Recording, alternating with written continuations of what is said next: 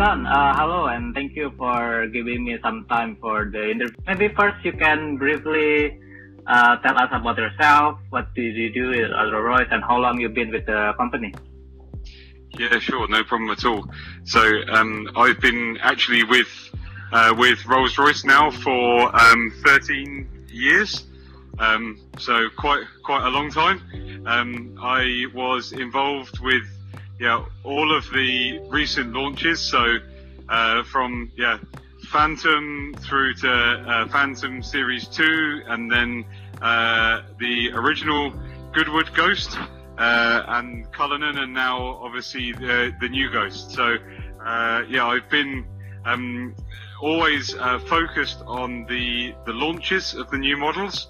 Um, so yeah, first of all, looking at the the production integration of the cars, and now yeah, obviously with new Ghost, then in the um, yeah the, the the lead project lead position. So um, yeah, it's uh, yeah really uh, for, for someone like myself who is an absolute um, petrol head, um, to be able to have such a uh, part in launching new models of Rolls Royce is really incredible, and also to look back on you know, what we achieved in in the last in the last uh, 13, 14 years. Uh, with really, let's say, re-establishing and expanding the Rolls-Royce brand, I think is really exciting. Can you share about the the engineering uh, department at Rolls Royce? Like how many teams are there, and uh, how is the uh, the process in developing uh, new technologies at Rolls Royce?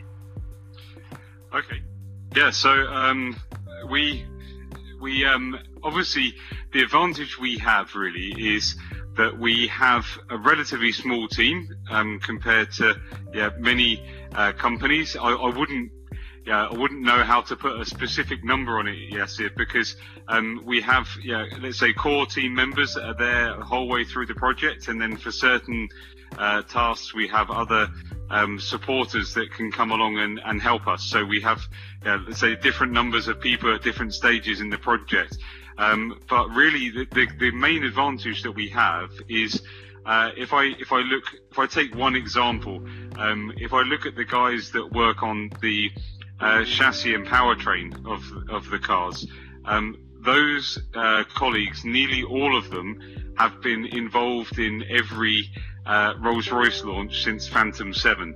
So what I, you know, in terms of talking about how do they work, it, they're, they're able to work with a great deal of experience of um, what has what has gone into previous launches, what has gone into the development of the architecture, and also with um, years and years of customer feedback. So I think that gives us a, a huge advantage when it comes to development.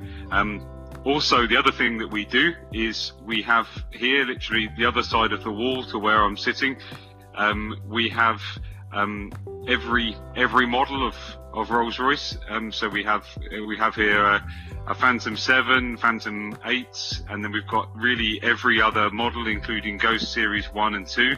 And uh, the the engineers here will regularly spend time driving those vehicles. So uh, we don't only only focus on what we're building now and what we're building in the future, we we constantly go back to our previous reference points as well to make sure that in key areas that we are making the improvements we want to. So, uh, in terms of your question, how does the engineering team work? They work by being very consistent in terms of transferring their knowledge project to project.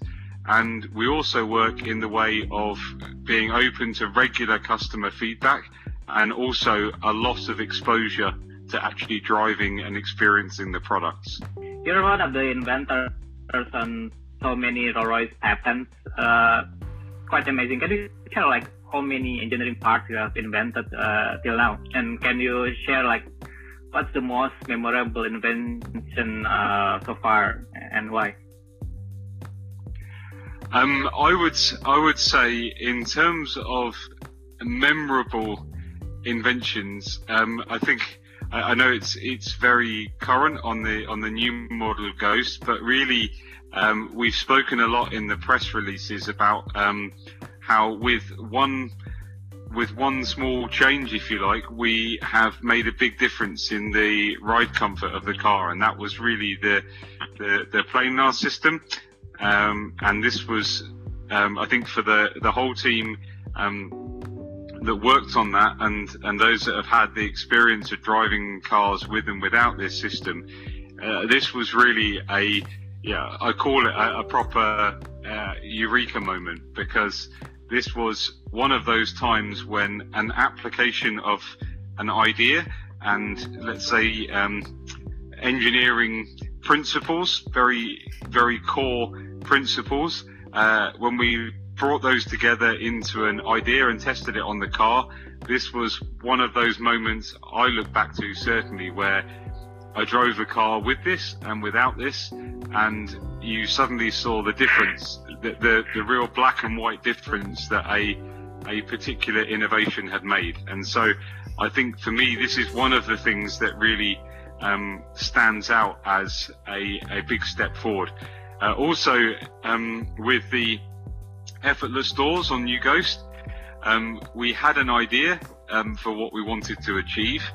Um, and when we first started in the early stages of software and hardware on these doors, uh, we realized everybody I think involved realized the scale of the challenge um, that there would be to get this uh, running at the level we wanted it. But it's really, it's really uh, a nice feeling when I've uh, shown customers and uh, some uh, some yeah local journalists um, over the last couple of days the the um, door function. Um, it's it's really nice how you don't really have to explain it.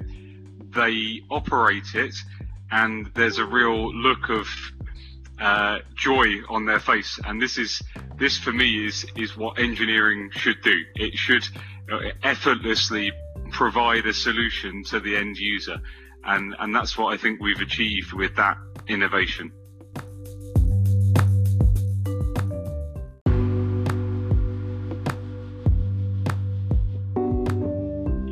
Uh, yeah, speaking about the about the car, I mean, it's it's been developed for six years, and it's it's I bet it's one hell of a journey. Can can you share like how the can you share more like the like the journey on, on developing the, the car since six years ago?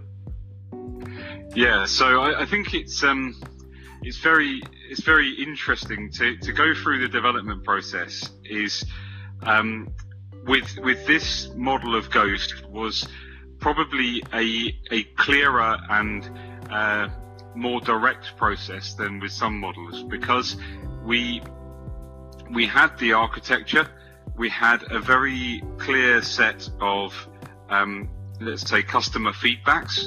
Uh, so we we knew what we had as our baseline, we knew where we wanted to go, and so we could quite quickly um, let's say, get stuck into our our development phase. But it's really, uh, I think sometimes sometimes people, uh, yeah, don't don't see everything that goes into the into the development because actually when you start off a development process, it's it's very challenging to picture the end result. Um, because you're you're you're very focused. Perhaps on one day you're focused on um, developing and understanding a, a, suspension component, or maybe the next day it's an interior component. And so you really you have lots of of small pieces of work that are running in in parallel to each other. Um, and of course, the team is quite small, so it's constantly talking together.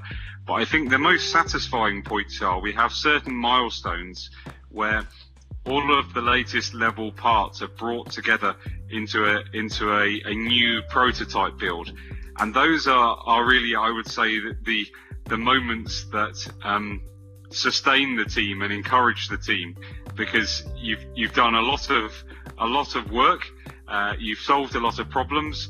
Uh, you've you've made steps forward in the development, and then you bring it together. You build an, an updated prototype, and you're able to then uh, drive that, and you're able to to get the the uh, sort of the impressions from how far you've come as a team, and I think that's that's really uh, how the development process works. It's a it's a series of, of very very very hard bits of work where you're constantly constantly solving problems making improvements and then you have these refreshing moments where you you come together you you build a latest level and you say wow we step forward there we still need to work there and then those are the, the moments where the team really builds itself back up again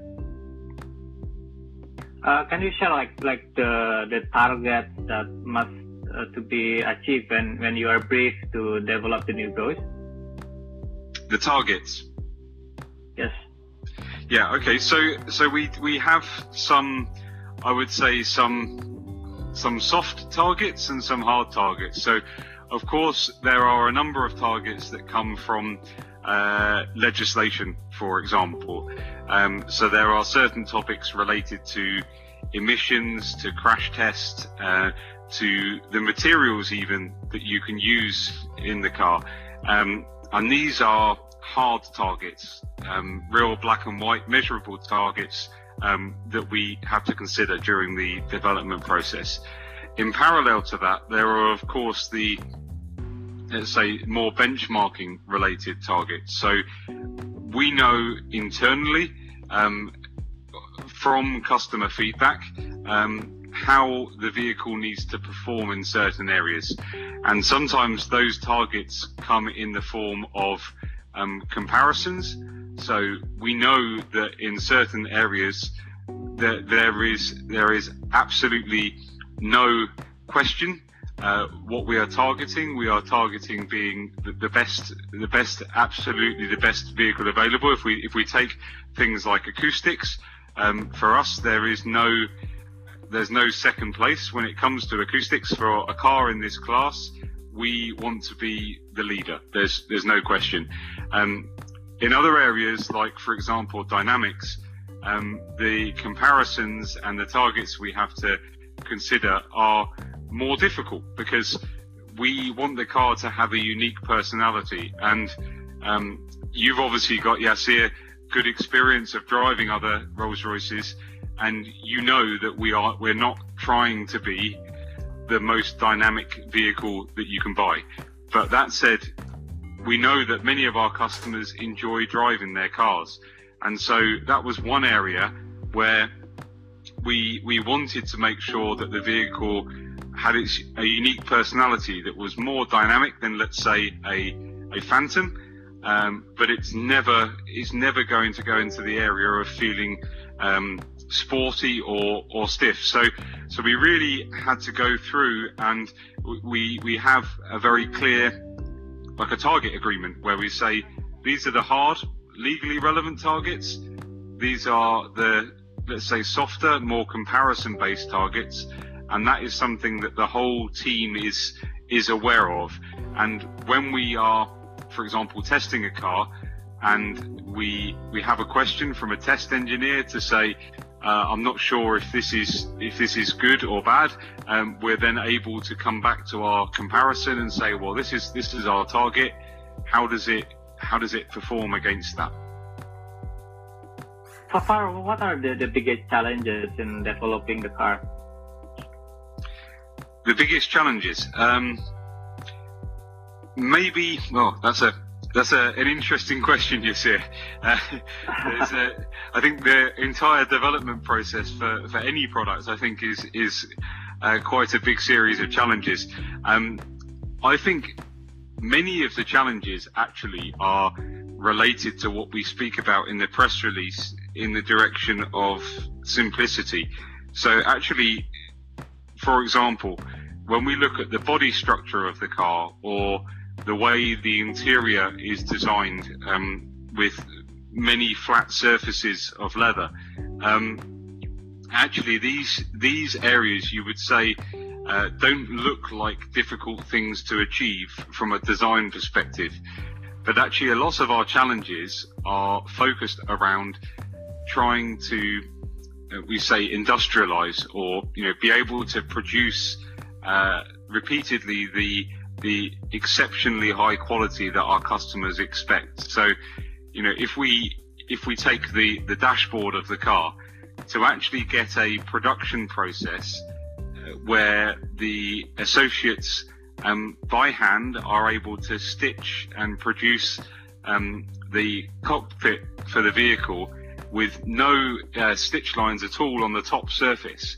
Um, this is actually something that you went, maybe wouldn't think it seeing the end product, but this takes hundreds and hundreds of hours and lots of lots of loops of working with prototype parts to really get to the stage where we achieve a result that we're happy with. So I would say one of the most challenging parts was actually uh, industrializing the vehicles. So once we once we knew what we wanted to achieve, then bringing that into the stage where we could produce it and really get these clean, simple lines uh, able to be produced to the right quality level.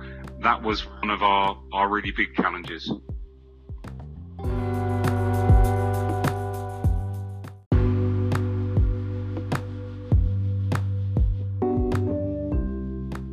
Speaking about the customers, the the Asian market is one of the important markets for, yes. for Royce. Is there like, like a specific feature that designed to to make the Asian customer happy?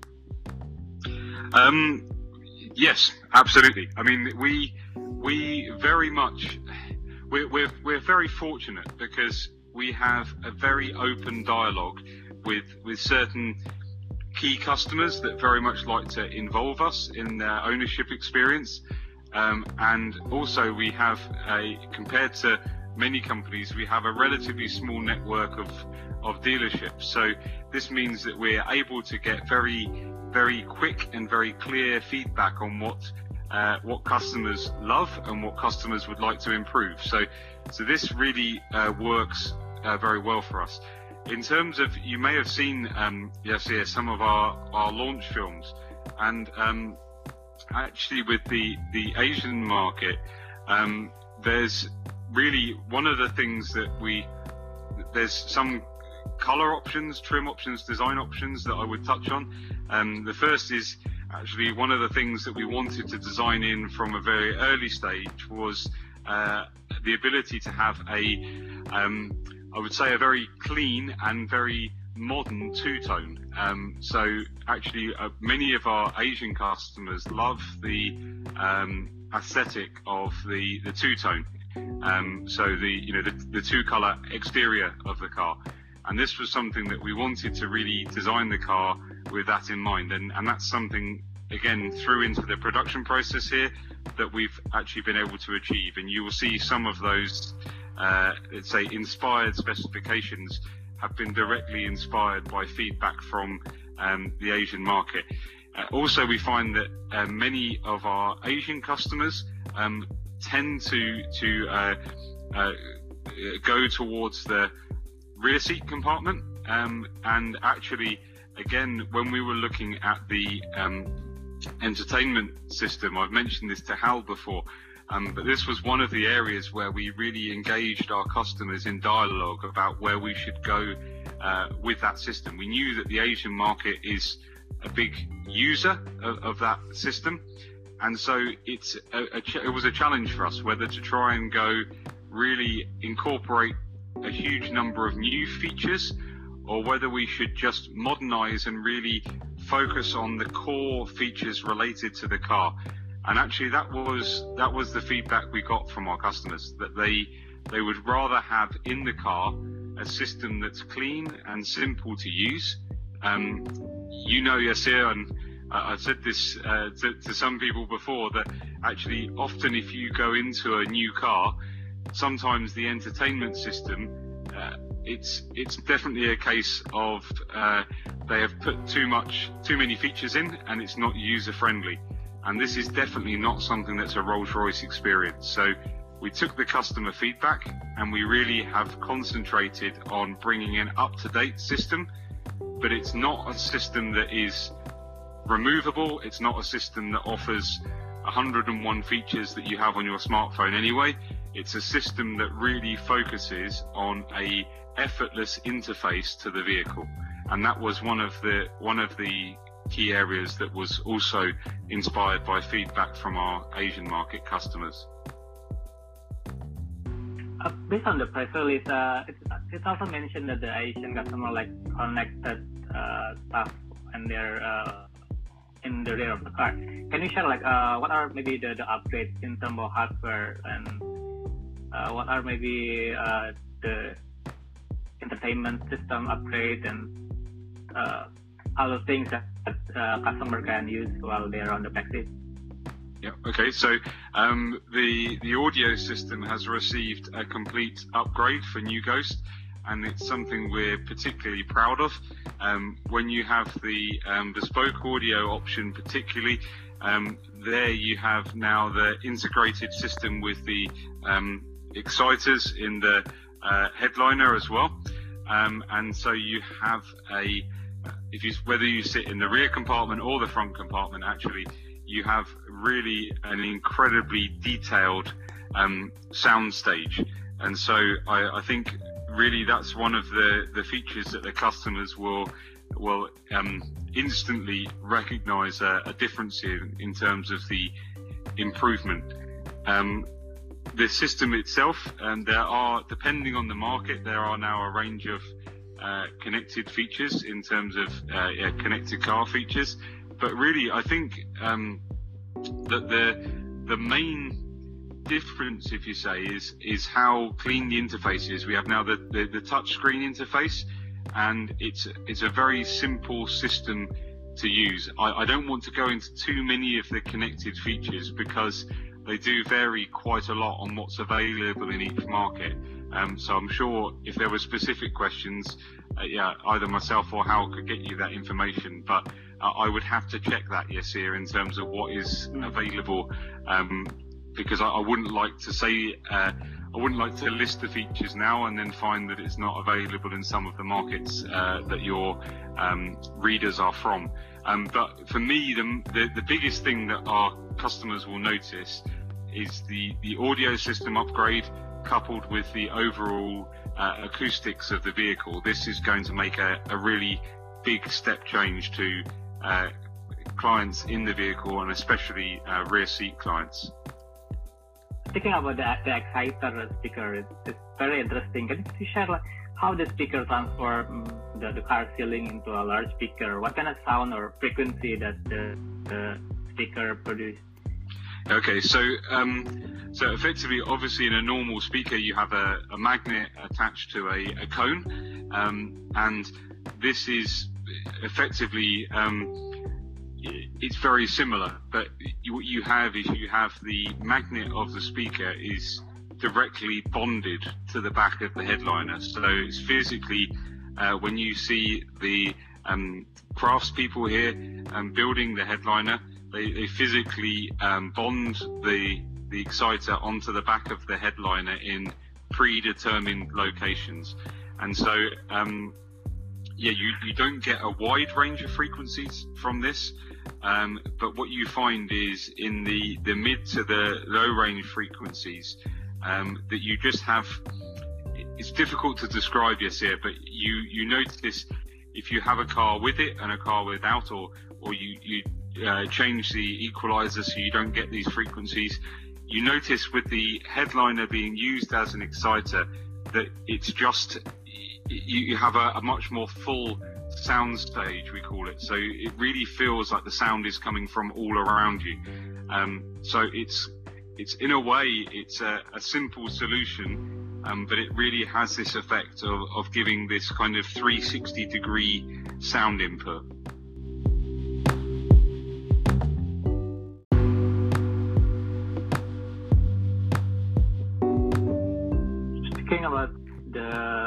quietness. I mean, you said you mentioned earlier that you want to be the best. Uh, yes. You want it the car to be quieter. Can you share how much quieter is the, the new car compared to the previous one, and how much effort you have put into the car?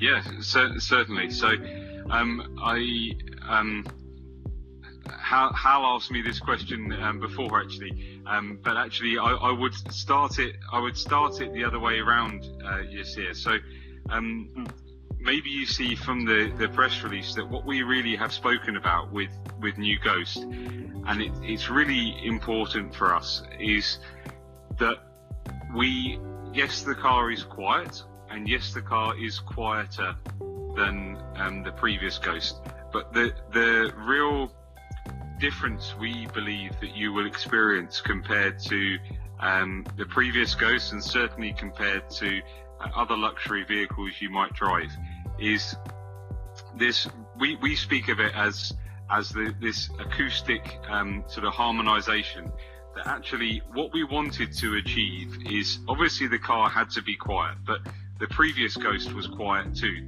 Um, and actually, what we wanted to do was just uh, make sure that there were no, at, at, no frequency were there particular intrusions that, that really stood out to our, our clients. So, if you'll permit me just to give the example that if you if you sit in a quiet room, then if you have a, a even even quite a quiet noise can be very annoying. So maybe you hear a, a buzzing from a television or uh, or from a LED light bulb or something, and and these noises that you hear, you would not hear those if the room was had a slightly higher noise level.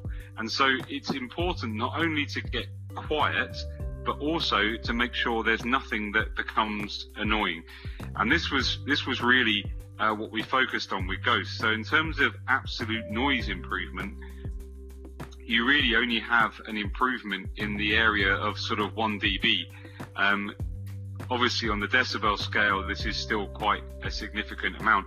But actually, what's what's the main difference with New Ghost is we've concentrated much more on on flattening uh, the profile of noises that come into the vehicle. So the way I I try to show this to people most clearly is if you drive on a freeway or motorway and maybe you start at 50 miles an hour and you accelerate up to you know 70 miles an hour or, or faster if you're able to um, then what you notice in ghost is although if you measured it, there may be an increase in noise level, um, you don't feel that. You're really able to continue your conversation. Nothing, nothing stands out. You don't notice a wind noise coming in. You don't notice uh, the road noise getting louder. You notice a very, a very even uh, noise level throughout the car, and that's that's really what we think will impress our clients the most. Is that they can they can converse within the car, they can relax within the car, and nothing will jump out to them as as really something that disturbs. And that that's what we've been really, I would say, obsessive about in in New Ghost. You said one of the objectives is to flatten out the sound. How much you have flattened uh, this kind of sound compared to the old car? Uh, is div- uh, do, do you see how much how much have we flattened it? Yeah. Yeah. Okay. So I think um, the the best way to to use an example, uh, yes, yeah, is um, in the in the previous Ghost, the, the car was was very was very quiet, and it still is a it still is a good car acoustically.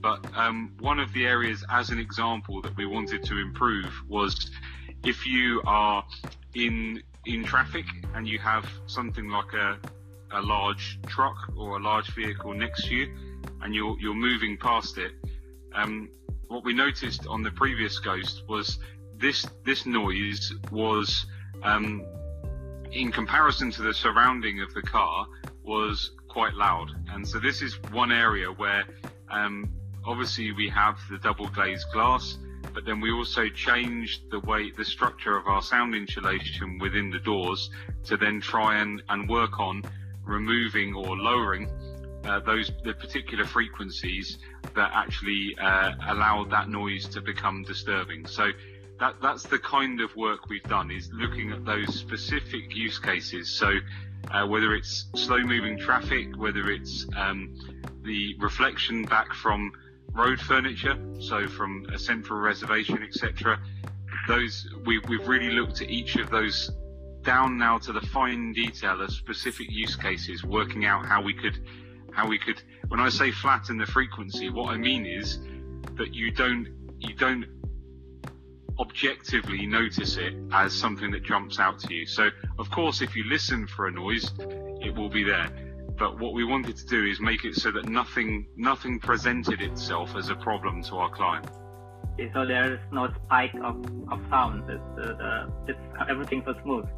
That's correct. Exactly, exactly.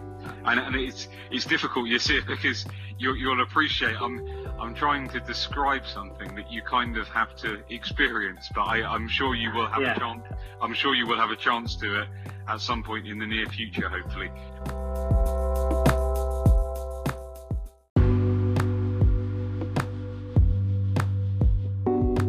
Yeah, speaking of the world, I mean, the pandemic still continues, and especially in Indonesia, it's still looking bad. And just the, the micro environment purification system it sounds like an like an interesting and important feature for this kind of time.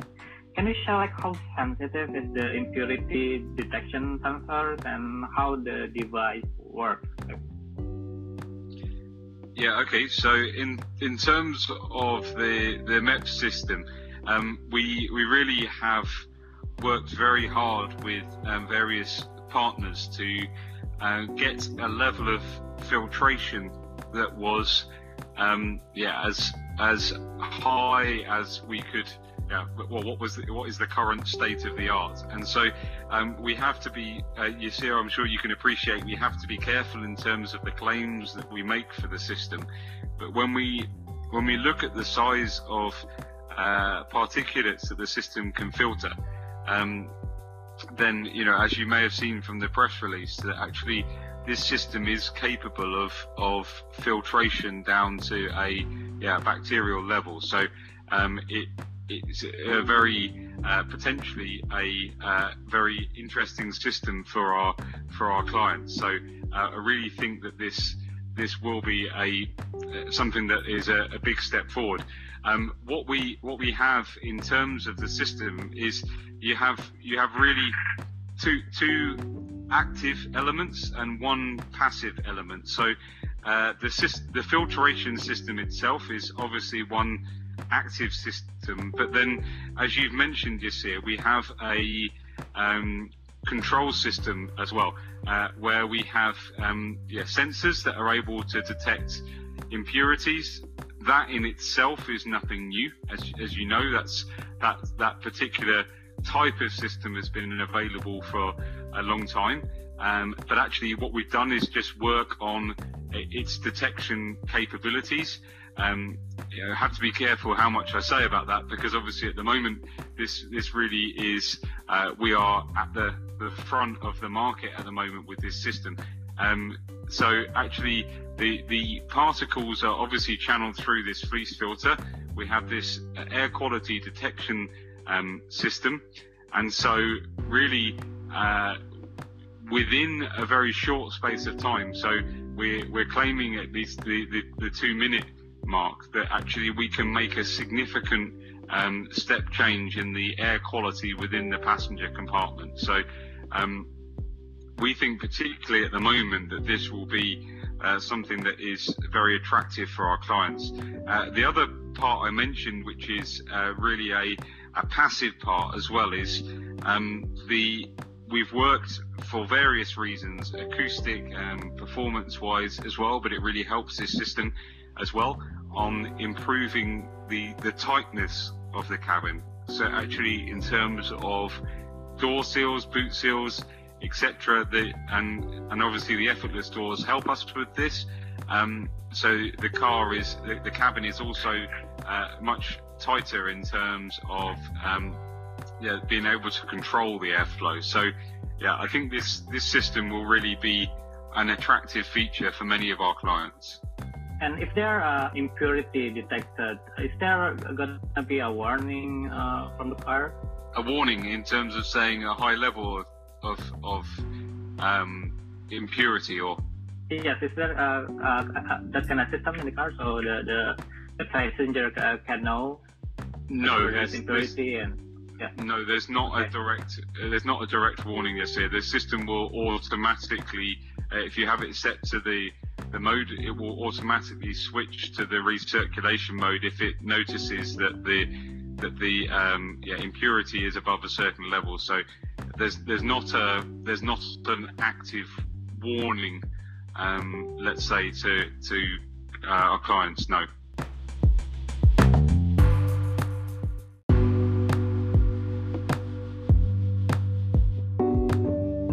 Yeah, in, in terms of weight, uh, what are the, the differences between the new Ghosts and the older ones?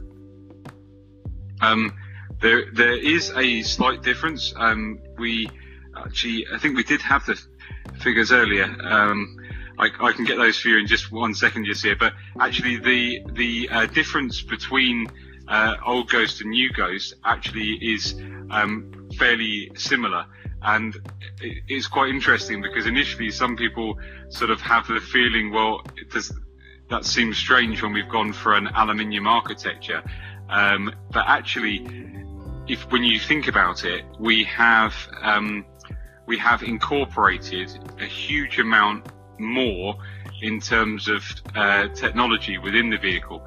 So you know when you when you think about incorporating um, things things like uh, four-wheel drive and four-wheel steering, obviously the, this is a significant amount of um, mechanical hardware, um, and so uh, we yeah, we really have, let's say, offset some of the weight gain by bringing in uh, additional technology. But we really think that this will uh, bring a huge benefit to our our customers.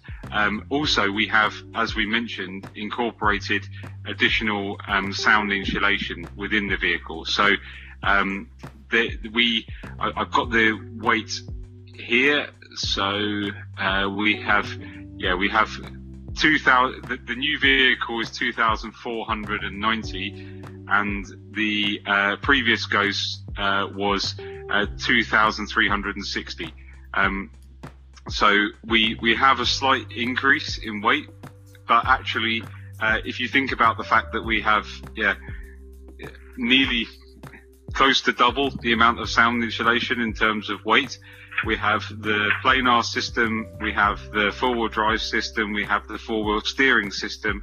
Actually, this is uh, still quite an impressive achievement. And uh, speaking about about weight again, uh, how much the four-wheel uh, steering and the planar system adds to the weight of the car? Oh, I, I don't I don't know that, that figure. I'm afraid, Jesse. I, I could probably find it out, but I don't know if that's actually a a specific number that we've ever taken. We regularly weigh the complete vehicle um, through the development process, um, but I don't know that number off the top of my head, I'm afraid. Okay, okay. Uh, I'm having this question for, for the last one. I mean, the, the planar suspension. I think it's one of the most exciting part that I've seen from, from the press release. I mean, it's, yes, it's the work, it's a work part and it's removing energy from the road. But can you share how much more effective is this of suspension compared to a conventional one? Yeah, so so the the major, I mean, it has it's effective in in lots of different scenarios, but the the one that I I find it most effective in, and I can notice the biggest difference is if you're on surfaces uh, on a road where let's say that the road surface isn't bad, but it isn't good. Um, so you have, uh, let's say, something like a, a freeway or a motorway, but the surface is not is not brand new. So it looks to your eyes quite flat, but there are, let's say, constant, very high frequency uh, inputs into the car. Um, in that uh, type of in that type of scenario, um, you really notice that uh, so much of that um, high frequency noise is taken out by the system. Um, and this really, this really is, uh, yeah, it's, it's, it really is a, a huge step change and an improvement.